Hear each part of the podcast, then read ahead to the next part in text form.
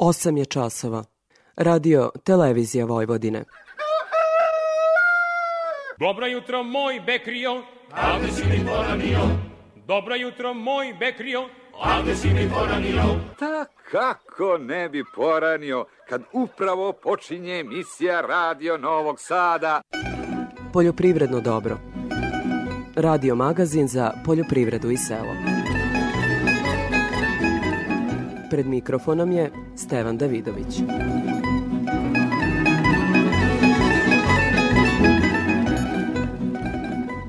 Dobro jutro. Kako napreduju se pšenice u uslovima blage zime, ali šta se savetuje ratarima, zapisi o aktuelnim radovima. Za uvod izdvajamo ocenu stručnjaka u Kikinskoj poljoprivrednoj stanici Aleksandra Papa. Prema njegovim rečima pšenica je u dobroj kondiciji. U ovoj emisiji jedna prosječna godina, čak bi rekao malo iznad prosjeka da je stanje zadovoljavajuće, znači zadovoljavajuće prema dobro. Nismo imali e, zimskih oštećenja, čak praktično nismo ni imali prave zime, što ne znači da ne može da je bude. I napomenuo bi proizvođačima da obilaze svoje useve i da prate, zato što je naša prognozna izveštajna služba konstatovala prisustvo patogena, konkretno rđe, Nakon dugog perioda slabog poslovanja, živinari uz niže troškove hrane za živinu ostvaraju željenu zaradu. Međutim, iz ugla potrošača stiče se utisak da su konzumna jaja značajno poskupela, više od ostalih prehrambenih proizvoda. Proizvođači to objašnjavaju tržišnim razlozima. Tu zanimljivu tržišnu analizu takođe preporučujemo u nastavku emisije. U temi emisije daćemo reč proizvođaču. Govorit ćemo o dunji koja uspešno izbegava mraz, a daje odličnu rakiju. Prošlog vikenda u Kisaču održana je kulenijada, pa vas u nastavku emisije očekuje i zapis sa te manifestacije. Toliko u uvodu sledi muzika, pa izveštaj agrometeorologa.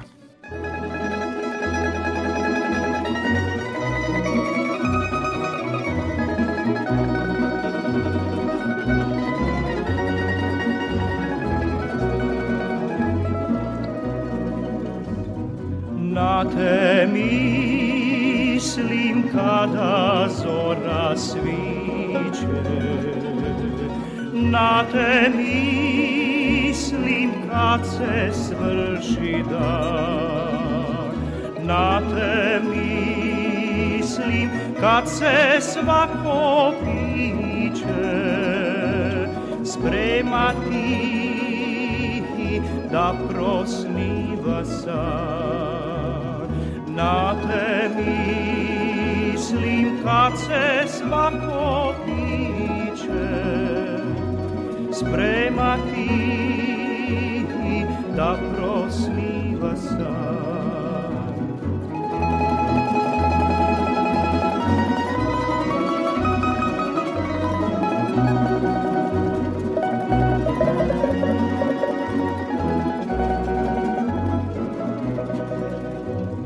Na te mislim sunce kad se gubi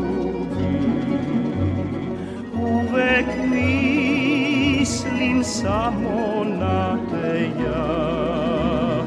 Tebe jedu srce moje ljubi. Na tom svetu sreća si mi sva. Tebe jednu srce moje ljubi. Na tom svetu sreća si mi sva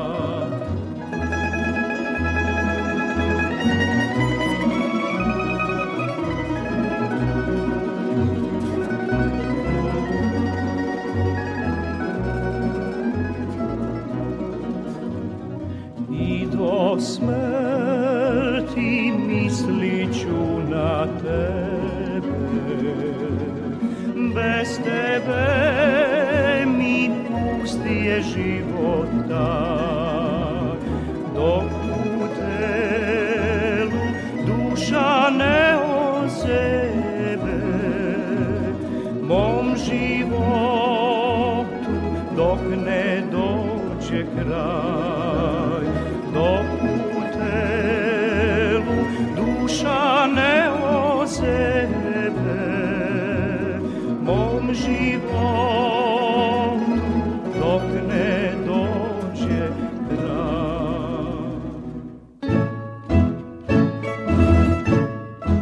Kao što smo najavili u uvodu, u prvim minutima poljoprivrednog dobra sled izveštaj agrometeorologa iz Hidrometeorološkog zavoda Srbije Ljiljane Đingalašević.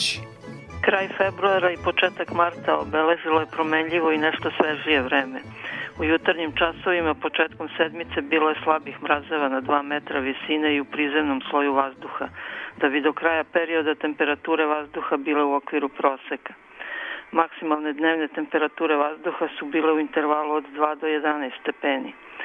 Ovako hladnije vreme i nešto niže temperature vazduha odlažu pokretanje vegetacije najverovatnije do druge polovine marta. Tokom proteklog perioda bilo je povremenih padavina na većem delu teritorije Srbije. Zaliha vlagi u zemljištu je veoma dobra, zahvaljujući padavinama tokom jeseni i u dosadašnjem delu zime, što će biti od velikog značaja u prvim mesecima nastavka vegetacije. Tokom proteklih sedam dana ustanovljeno je prisustvo biljnih bolesti na strnim žitima. U usevima pšenice registrovano je prisustvo simptoma sive pegavosti lista pšenice, pepelnice, žita i lisne rđe. Usevima ozimog ječma ima simptoma pepelnice, žita i mrežaste pegavosti lista ječma. Pored biljnih bolesti registrovano je prisustvo lisnih vaši u usevima pšenice, a u usevu ječma ima i maga žitne pijevice. Kod voćarskih kultura registrovano je prisustvo i maga obične kruškine buve. Prema prognozi narednih dana se očekuje promenljivo uobičajeno prolećno vreme. Temperature vazduha će uz manja kolebanja imati vrednosti oko višegodišnjih proseka.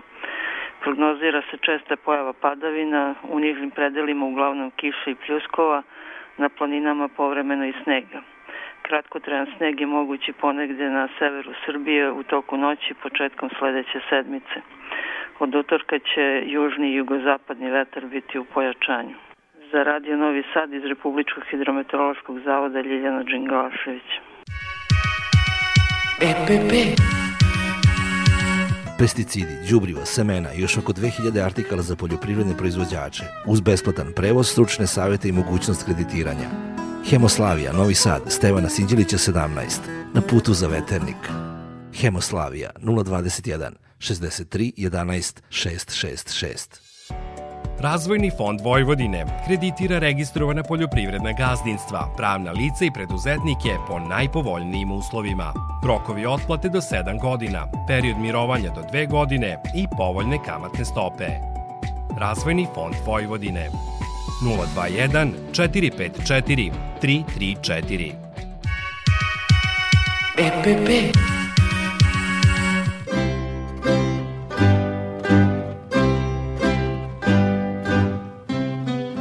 O stanju useva i aktuelnim radovima sredinom protekle sedmice razgovarao sam sa stručnjakom u Kikinskoj poljoprivrednoj stanici Aleksandrom Papom. Aleksandre, kako je stanje useva pšenice? Stanje useva pšenice u Kikindi i okolini odgovara vremenu. Znači, to je početak marta, prihrana prva završena. Za naglasiti je da imamo posejane pšenice više za skoro 2000 hektara, tačnije Kikinda i Novi Kneževac imaju 25.594 hektara pšenice posjena, a značajno je povećanje i površina poduljenom repicom. Nje imamo skoro 3000 hektara za razliku od prošlogodišnjih tu 300-400 hektara. Prva prihrana je obavljena pre ovog nevremena koje smo imali.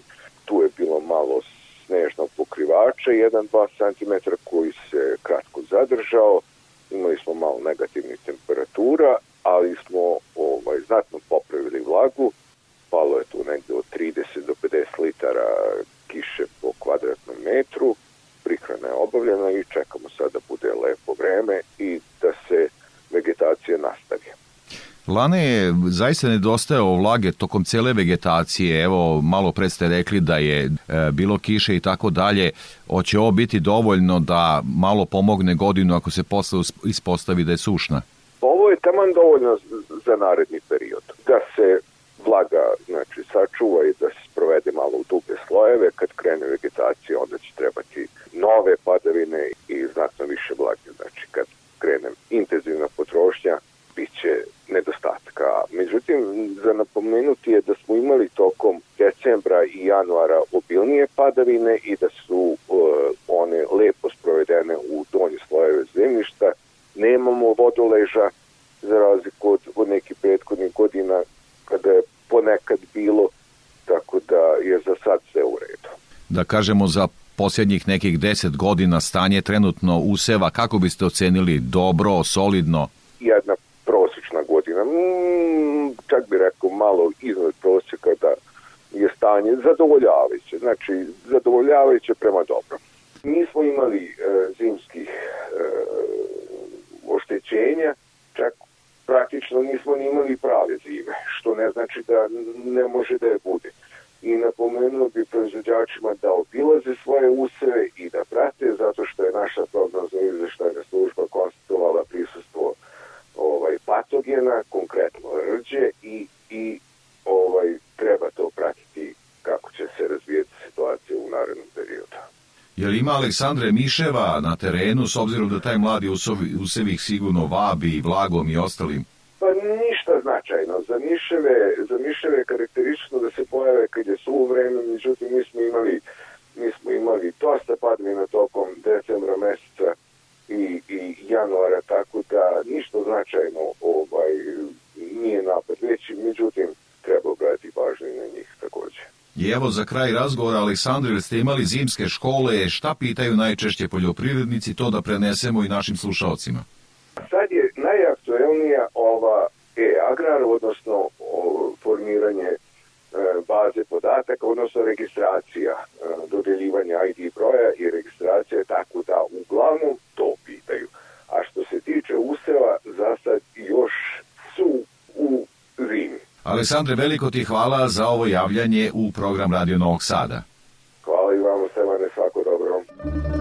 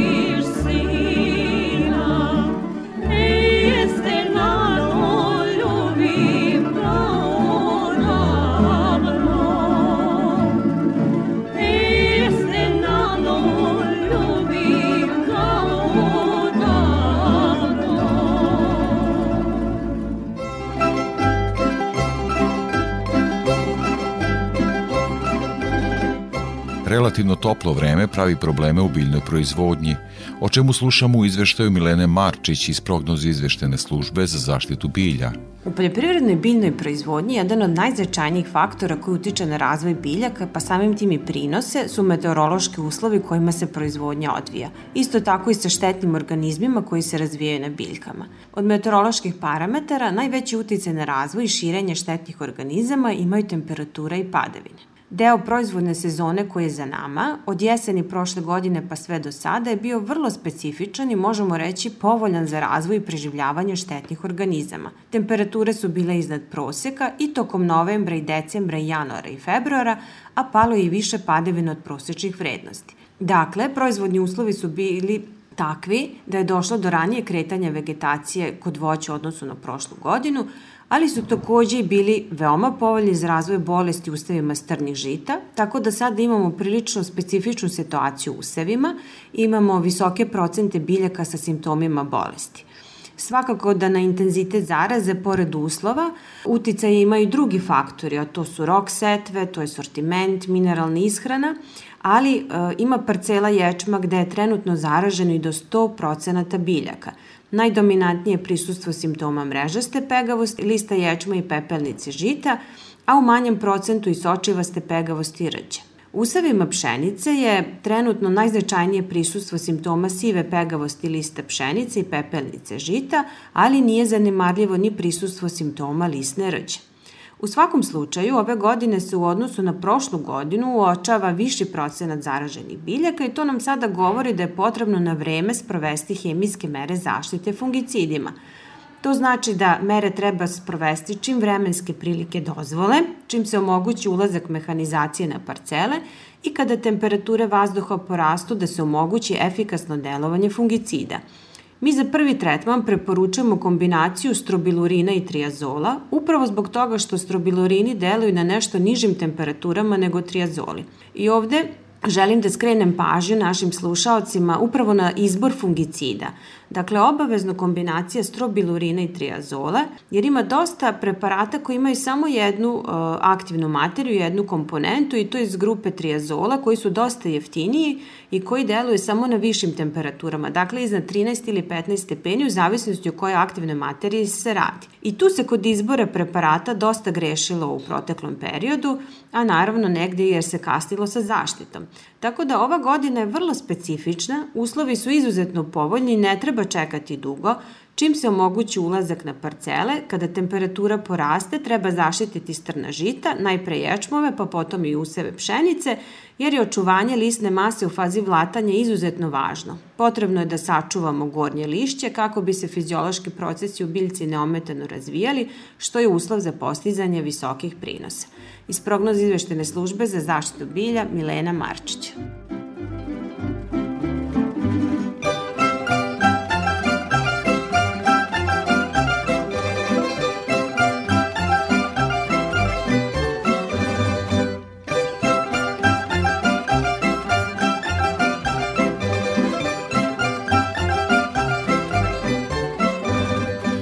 Trgovanju na Novosadskoj produktnoj berzi izveštava Anja Jakšić.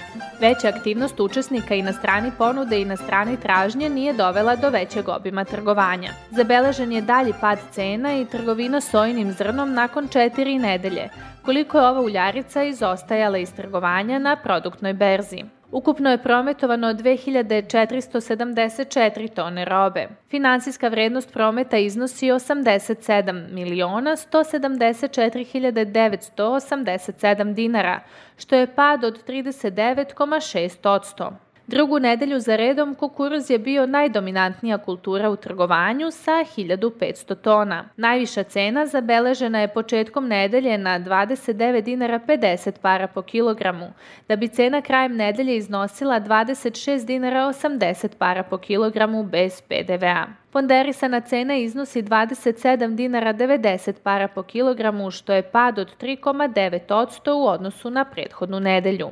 Viša cena pšenice na domaćem tržištu u odnosu na zemlje iz regiona i dalje sprečava veći plasman naše robe na strana tržišta. U strukturi kupaca našli su se mlinovi i trgovci, a cena se kretala u opsegu od 27 dinara 50 para do 30 dinara 50 para po kilogramu bez PDV-a. Ponder cena iznosi 29 dinara 13 para po kilogramu, ukazujući na negativan cenovni trend od 1,9%. Na tržištu soje zabeležena je trgovina manjim količinama po jedinstvenoj ceni od 64 dinara 50 para po kilogramu uz obračun kvaliteta, što ujedno predstavlja i ponder cenu. U odnosu na prethodnu zaključenu cenu, kada se krajem januara sojom trgovalo po ceni od 67 dinara 50 para po kilogramu bez PDV-a, ova cena je niža za 3,7%. Suncokretovom sačmom sa 33% proteina trgovalo se po ceni od 37 dinara po kilogramu do 38 dinara po kilogramu bez PDV-a. U odnosu na prethodni upoređujući podatak zabeležen je pad od 4,3%. Veštačko đubrivo urea ruska 25 kroz 1 prometovana je po ceni od 62 dinara 24 pare po kilogramu, odnosno 529 evra po toni, na paritetu FCA dok je mešano đubrivo NPK 316 ruski pakovanje 25 kroz 1 prometovan po ceni od 80 dinara jednu paru po kilogramu bez PDV-a, odnosno 680 evra po toni na paritetu CPT kupac. Sa produktne berze Anja Jakšić.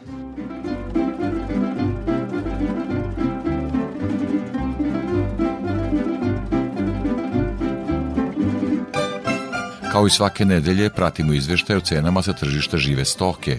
Iz Infotim Logistike izveštava Gordana Jeličić. U toku ove nedelje naši saradnici su tovne svinje sa farme oglašavali po ceni od 230 do 240 dinara po kilogramu, tovljenike sa mini farme po ceni od 230 do 240 dinara po kilogramu, a tovljenike iz otkupa po ceni od 230 do 231 dinar po kilogramu. Ukupno za ovu nedelju ponuđeno je preko 1000 komada tovljenika. Tokom nedelje pregovori su bili na nivou cena 230 dinara po kilogramu. Klaničari su najavili niži nivo cena za iduću nedelju, gde planiraju da plaćaju tovljenike u rasponu cena 220 do 225 dinara po kilogramu. U toku nedelje prasaca farme su se oglašavale po ceni od 400 do 500 dinara po kilogramu, prasaca mini farme po ceni od 390 do 430 dinara po kilogramu, a prasad iz otkupa po ceni od 370 do 380 dinara po kilogramu. U ovoj nedelji imali smo ponuđeno oko 700 komada prasadi. Na tržištu se beleži širok raspon cena u ponudi prasadi, tako da smo i beležili dogovore za pojedine kategorije. Jedan od ključnih problema na terenu je slaba operativnost robe kad su prasad u pitanju. Ponuda jagnjadi oglašena je po ceni od 350 do 417 dinara po kilogramu, oko 400 komada u ponudi, a ovce za klanje su nuđene po ceni od 180 do 185 dinara po kilogramu. Na terenu je uočen širok raspon oglašenih cena u ponudi. Ponude bikova Holštajn oglašena je po ceni od 290 do 294 dinara po kilogramu, bikova simentalaca po ceni od 315 do 330 dinara po kilogramu, za ovu nedelju ponuđeno je preko 100 komada bikova. Kad je živina u pitanju, cena tovnih pilića za ovu nedelju je 160 dinara po kilogramu. Cena jednodnevnog pileta beleži porast cene u oglasima i za ovu nedelju je 60 dinara po komadu. Cene su izražene bez PDV-a. Za Radio Novi Sad, Gordana Jeličić iz Infotim Logistike.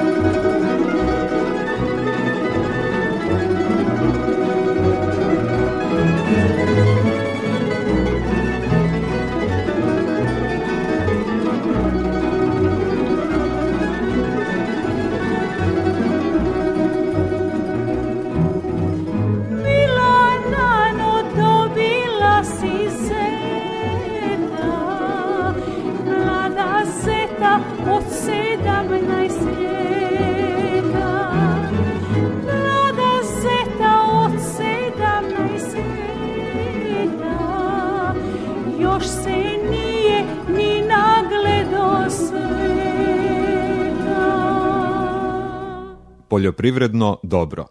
Radio Novi Sad. Tema emisije.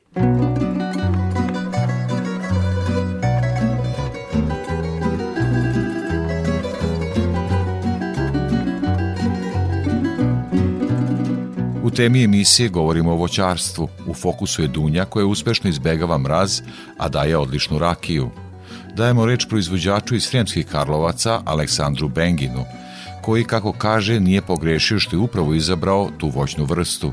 Otko ti u proizvodnji Dunje? Nasledili smo imanje od dede, koje je bilo zasađeno i višanja i šljiva i jabuka i bila je jedna osamela dunja koja je tu bila zatečena čak i od strane mog dede kad je kupio to imanje.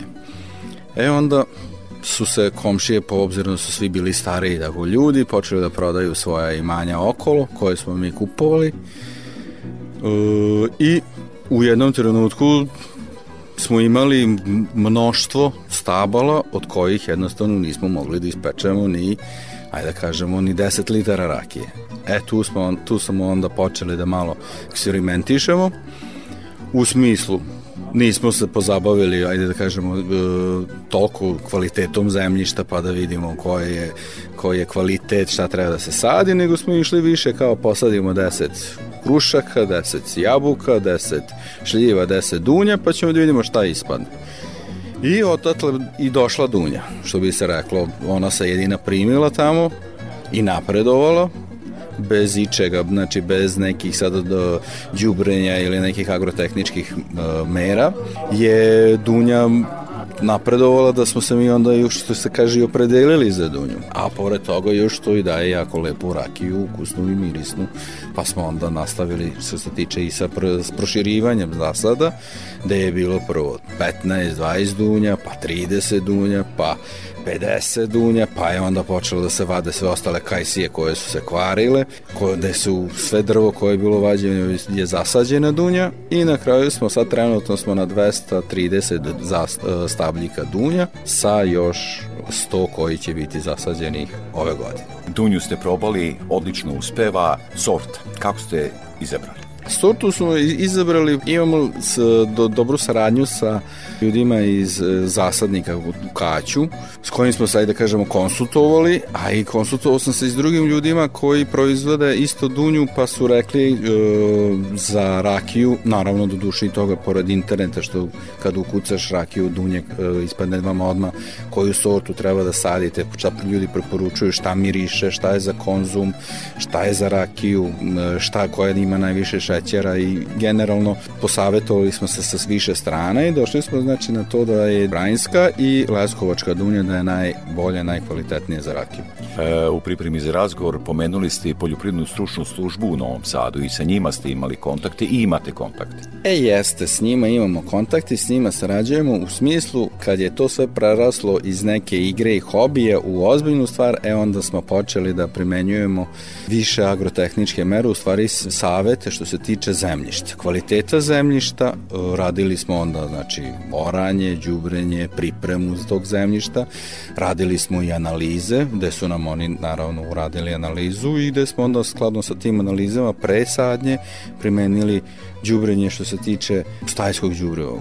Kako do stajskog đubriva? Evo, živimo u vreme vrlo slabog stočarstva, koliko to često treba? Pretpostavljam da je to e, jedno od pitanja koje bi vam postavio svaki voćar. Pa što se tiče, mi imamo sreću, jer supruga ima konje, pa onda imamo samim tim i, i ovaj, stajsko đubrivo u, u izobilju i dobro kvaliteta. Na svake tri godine se đubri, to ne propuštamo što bi se reklo, a prilikom navodnjavanja koristimo još uh, određene đubriva što se tiče da bi jednostavno voćka, ajde kažemo, ne bi trpela toliko prilikom uh, nalivanja plodova i ostalo, onda onda ovaj dohranjujemo ajde tako kažem. Navodnjavanje postoji, planira se, kakva je situacija? Navodnjavanje se planira, e, što se tiče bunara, bunar je spreman, sve, ima vode, sad je proces stavljanja pumpe i razlačenja cevi za navodnjavanje. Koliko je Dunja zahtevna kada je reč o zaštiti bilja i šta je kod nje problem? Pa to je isto bilo u početku, zašto smo se i odlučivali za neke te, uh, da kažemo, vrste voćke koje ne zahtevaju puno agrotehničkih mera, ali se ispostavilo da svaka voćka trenutno zahteva da se čovek brine o njoj. Ne može jednostavno da ostavite nešto i da kažete e, sad će tu uroditi, sad će tu biti. Neće živimo u takvom vremenu da jednostavno ukoliko ne oprskate, promašite prskanje, nećete imati adekvatan plod, ajde tako kažemo, za, za to što se naumili. U stvari, naradit ćete se, a nećete imati rezultat. I samim tim onda, početku je sve to bilo igranje, sve to bilo zanimljivo, pa nisam baš bio ni toliko shvatio da kad ti imaš 30, ni isto kad ti imaš i, i 10 dunja, pa onda kad imaš 30 imaš 50, onda 50 I tako kako se to širilo, onda se moralo ulagati u mehanizaciju. I onda od naravno malog kultivatora koji je bio nasleđen od strane dede, sad je tu već traktor, sad je tu već atomizer, sad je tu već plug, freza i, i, i, i što je naš najveći, nismo ni stali, nismo ni zagrebali, još tu treba dve, tri mašine, priključne mašine, da ne kažem sad i veći traktor, jer ovaj mali je mogo da radi dok je bilo malo, sad odjednom treba tu i ozbiljniji traktor, voćarski naravno, ne ono sad ogromne traktore ko što vidimo po Vojvodini što proravaju hiljade i hiljade hektara, ali više tu ide fokus na međurednu obradu i na prskanje na zaštitu. Evo, svedoci smo sve toplijih zima i ova je takva kako Dunja podnosi te mrazeve? Pa što se tiče Dunje, Dunja je jako zahvalna što se tiče mrazeva, jer e,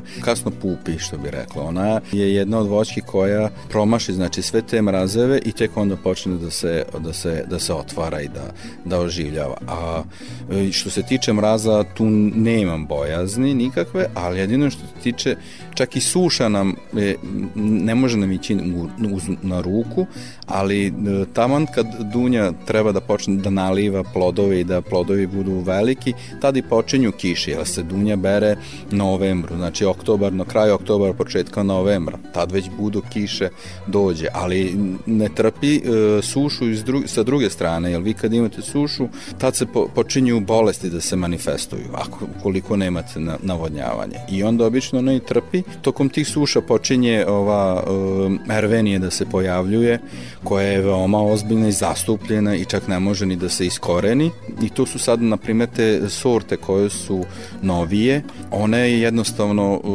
nisu otporne. Otporni jesu u odnosu na Leskovačku i na Vranjsku, ali nisu 100% otporne. Tako da navodnjavanje je jako bitno i ta prihrana, u stvari da ta stabljika bude zdrava, da bi mogla sama sebe da odbrani od bolesti. Šta je sa orezivanjem, sa razmak između voća, kako ste to ustanovili?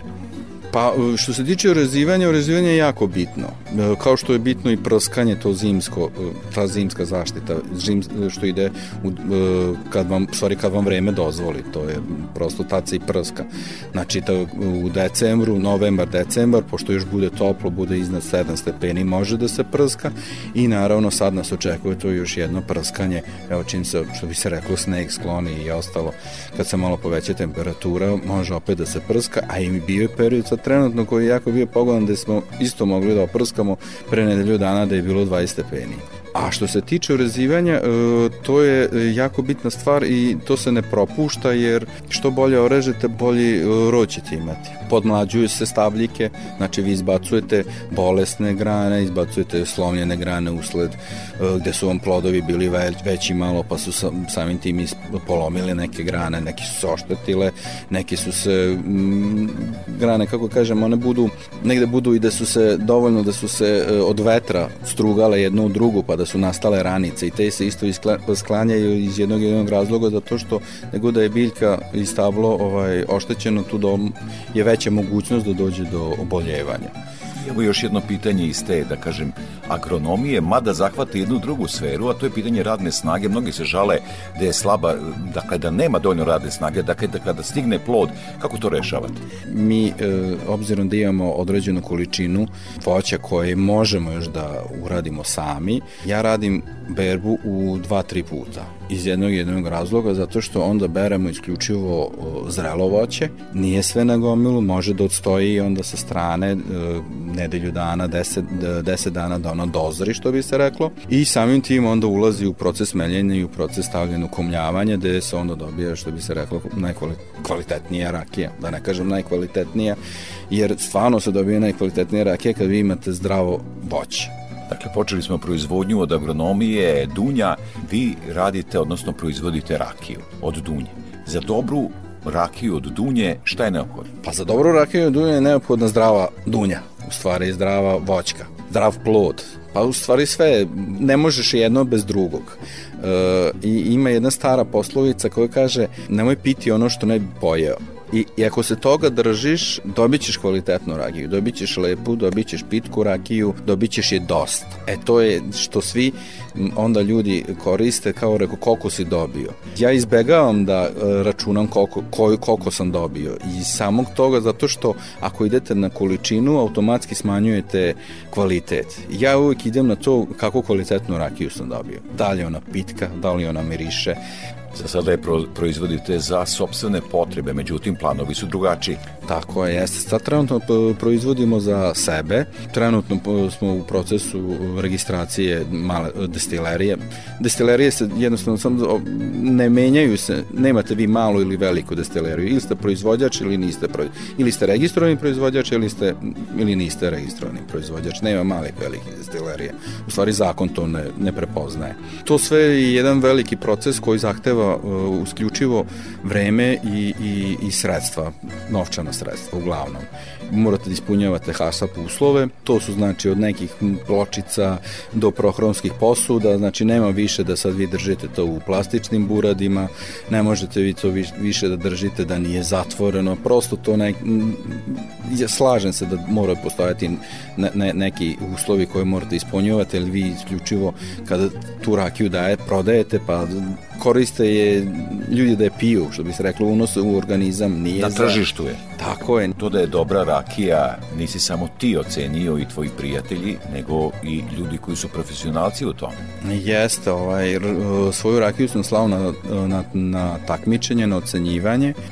Jednu smo slali u Pančevo. Ljudi koji se bave, koji se bave, koji šalju uzorke, znaju šta je Pančevo i znaju da je tamo velika tradicija u rakijadi i v, to je lepa manifestacija ljudi se trude oko toga, tu budu i jako lepe nagrade od, od, što bi se reklo od opreme pa do čak i novih kazana da da sponzori to daju. I slali smo još na par mesta ali daleko bi bilo da ima još i par zanimljivih dešavanja u Srbiji gde će biti ocenjivanje šljive jer sad i apropo šljive e, to neko naše nacionalno piće spremam se da određenu količinu šljive kupim pa da ovaj, isto preradim i ostavim na odležavanje pa da vidim kako će to ispasti.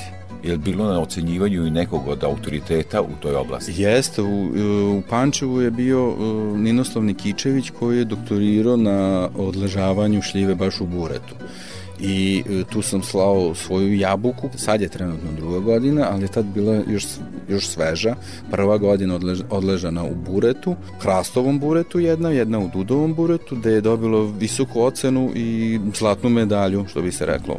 Da, da ljudi ne pogreše, e, da pogreše ne shvate, e, i ako dobijete zlatnu medalju, ne znači da ste prvi, jer ne mogu svi, što bi se reklo, biti sa zlatnom medaljom, ali zlatna medalja vam je jednostavno da vam je miris, ukus i boja, da su vam u, u, u određenom kvalitetu.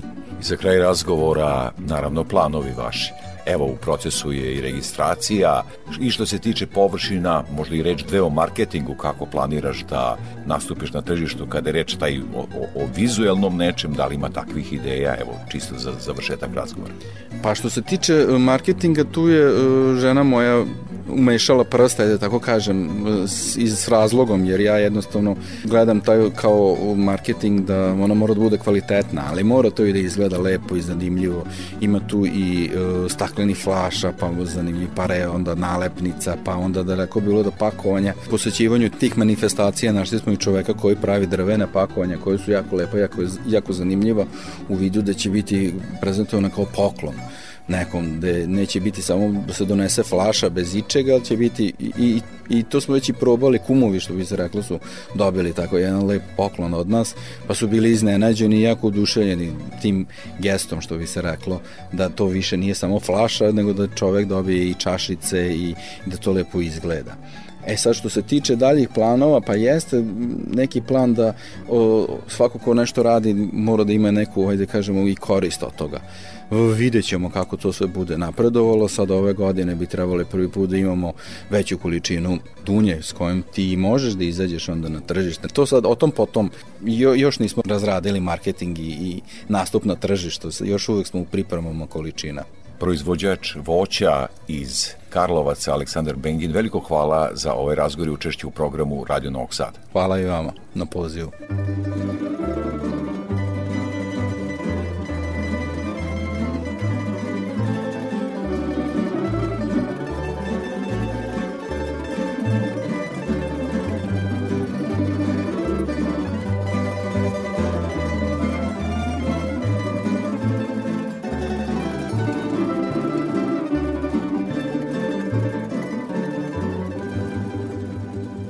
Doneste mi rujna vina, hoću priče da se seti, baš na ovom divnom mestu, gde ugledah njene oči.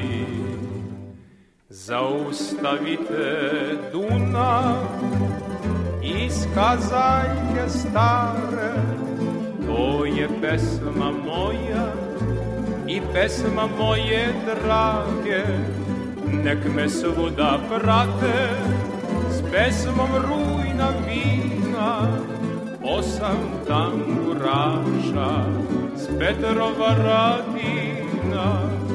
Nek me uvek prate s pesmom rujna vina osam tamburaša s Petrova radina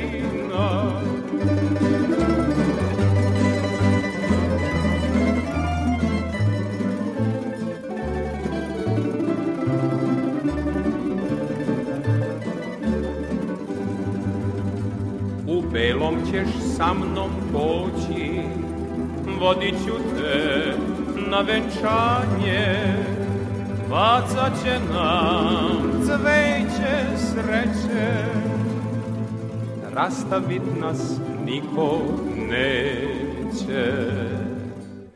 Zaustavite Dunav iz kazaljke stare, To je pesma moja i pesma moje drage. Nek me svuda prate s pesmom rujna vina Osam tamburaša s Petrova radina. Nek me uvek prate s pesmom rujna vina Osam tamburaša Petrova radina. Tamburaši, svirajte mi divne pesme od davnina. Ja ću ljubit kose njene i polako biti vina. Zaustavite Dunav iz kazaljke stare, to je pesma moja i pesma moje drage. Nek me uvek prate s pesmom rujna vina, osam tamburaša s Petrova radina. Nek me uvek prate s pesmom rujna vina. Osam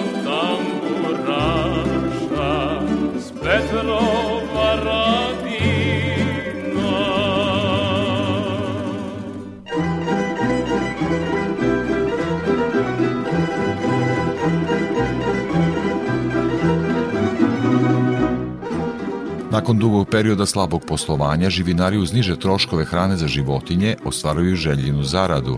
Međutim, iz ugla potrošača stiče se utisak da su konzumna jaja značajno poskupela, više od ostalih prehrambenih proizvoda. Proizvođači to objašnjavaju tržišnim razlozima.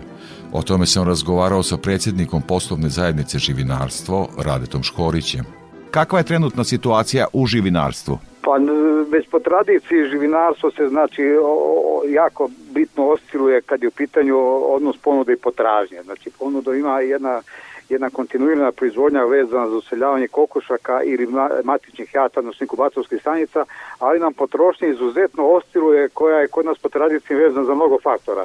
Letnje ili zimsko vreme, pa vreme slava, vreme posta, vreme, ajde da kažem, bez obzira koliko je to sad manje bivše svinjokolja i ta potrošnja koja je značajno ostale pravi živinarima veliki problem. Amortizaciju, kako često kažemo, tog disbalansa između ponude i potrašnje nam je jedino spas u nekim drugim tržištima da pojačamo znači, mogućnost izvoza u ono vreme kad kod nas nema značajnije potrošnje i jaja i pirećeg mesa. Mogu reći da je kod kodnih jaja situacija već od negde od prošlog leta sasvim solidna zato što su cene nisu padale zbog velike, velike proizvodnje jer je jedan deo išao u izvoz gotovo najveći izvoz smo imali u ovoj godini u poslednjih deseta godina, a jedan deo jata je znači mitaren na vreme, tako da cena nije padala i drži se znači proizvodnja u nivou cene koštanja, a s druge strane sirovine su nešto pale što je prethodne dve godine proizvođačima jaja bio veliki problem. Ovih dana se jako puno publikuje priča kako je jaje proizvod koji je najviše poskupio po statistici u, u, sa mlekom i mlečnim proizvodima, a odgovor je zato je razlog što je prethodne dve godine cena jajeta bila u velikoj depresiji.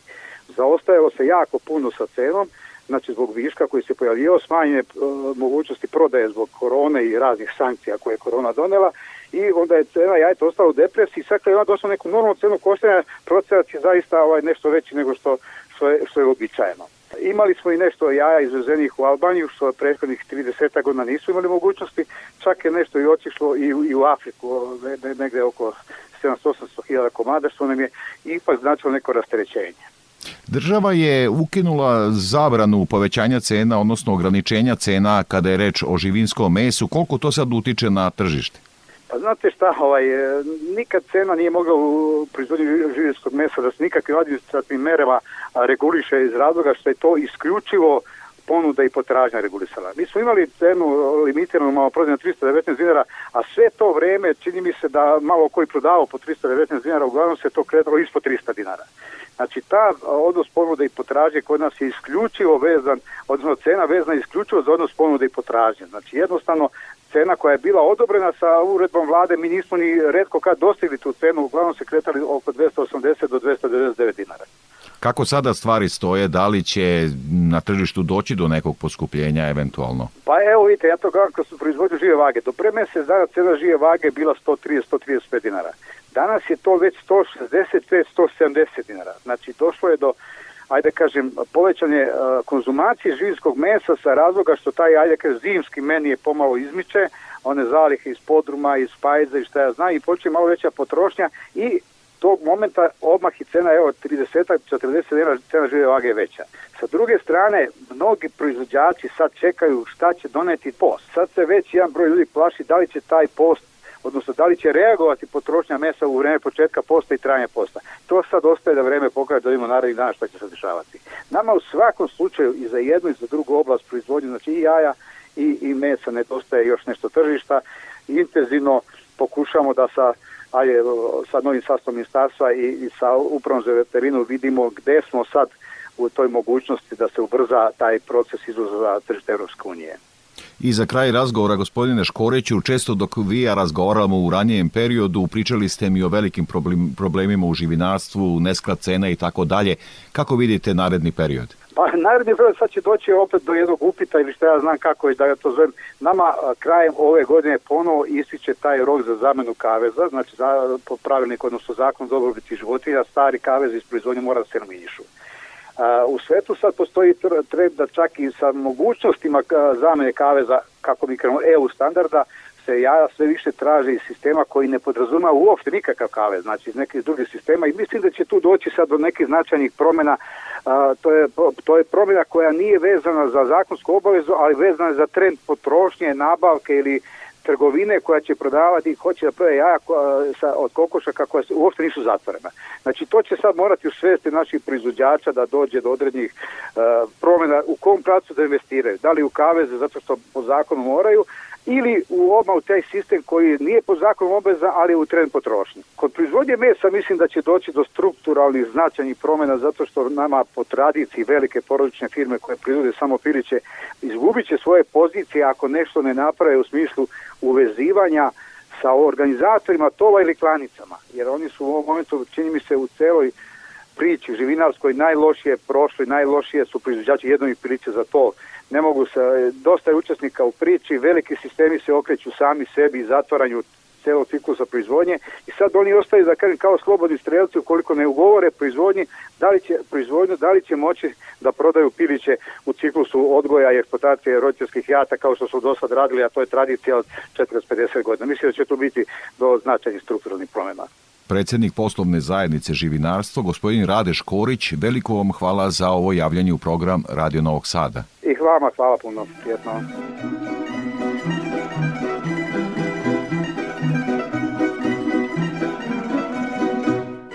Prošlog vikenda je u Kisaču održana kulenijada i to je bila prilika da se članom udruženja Kisački kulen, Janom Adackim, popriča Đorđe Simović. 35 ekipa, uglavnom iz okoline, ima jedna ekipa iz Slovačke i jedna ekipa iz Bosne i Hercegovine, Brčko. Ovo jeste prvi međunarodni koji je dignut na viši nivo. Posta, po, postojala je kulenijada i pre toga u Kisaču, ali se ocenjivao samo fermentisan kulen.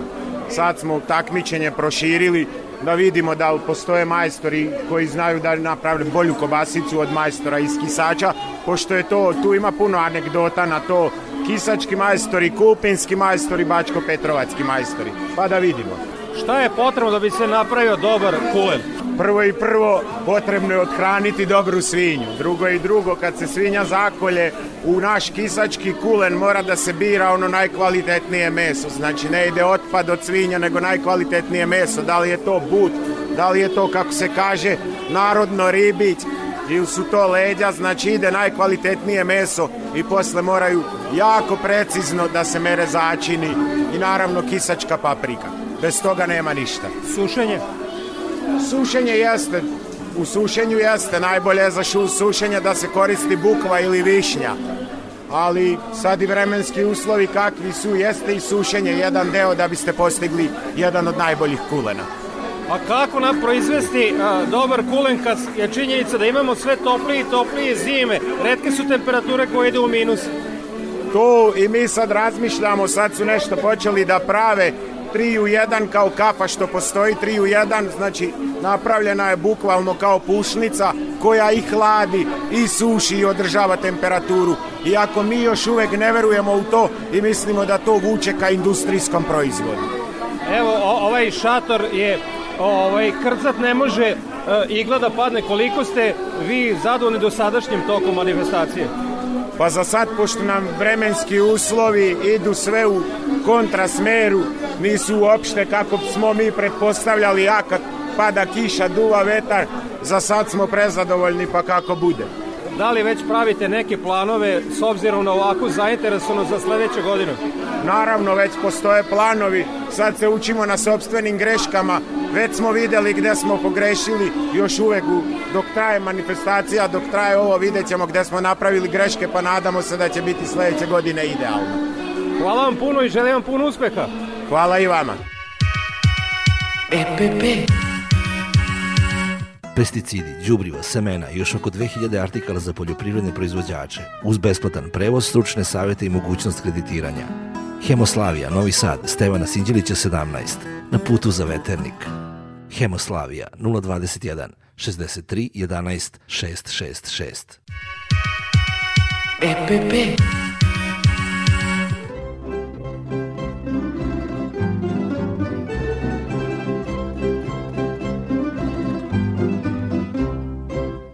Pred kraj emisije još jednom prognoza za narednu sedmicu. Iz Hidrometeorološkog zavoda Srbije Ljiljana Đingalašević. Prema prognozi narednih dana se očekuje promenljivo uobičajeno prolećno vreme. Temperature vazduha će uz manje kolebanja imati vrednosti oko višegodišnjih proseka. Prognozira se česta pojava padavina, u nižim predelima uglavnom kiša i pljuskova, na planinama povremeno i snega. Kratkotrajan sneg je mogući ponegde na severu Srbije u toku noći početkom sledeće sedmice. Od utorka će južni i jugozapadni vetar biti u pojačanju. To bi bilo sve što smo vam pripremili za ovo izdanje poljoprivrednog dobra Radio Novog Sada. Emisiju montirala Sabina Nedić. Muziku birao Aleksandar Stojanović. Pozdravlja vas urednik i voditelj Stevan Davidović. Naredni susrete za sedam dana uz podsjećanje da emisiju možete slušati i odloženo na portalu Radio Televizije Vojvodine na adresi rtv.rs. Svako dobro!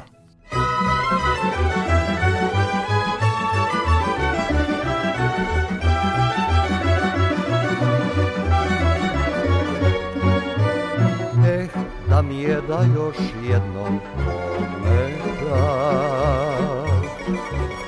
Svećarina starom stazom krenem sad U kafanu kraju svog Dunava Vekovima koja još odoleva Na kraj sveta skrivena u vrbama dočeka nas dobrim tamburašima. Pesmu moju odavno su već znali, Koleki san su meni svirali. Na kraj sveta smirena u vrbama, dočeka nas dobrim tamburašima pesmu moju odavno su već znali. Ko lepi san su meni svirali.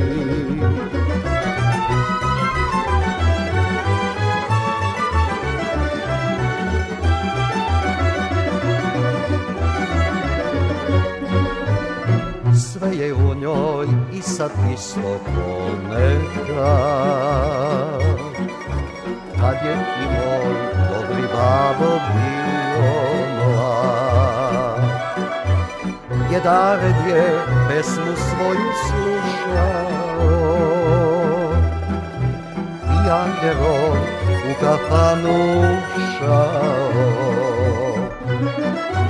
Na kraj sveta skrivena u dočeka nas dobrim tamburašima. Pesmu moju odavno su već znali, ko lepi san su meni svirali. Na kraj sveta skrivena u vrbama, dočeka nas dobrim tamburašima pesmu moju odavno su već znali Ko lepi san su meni svirali.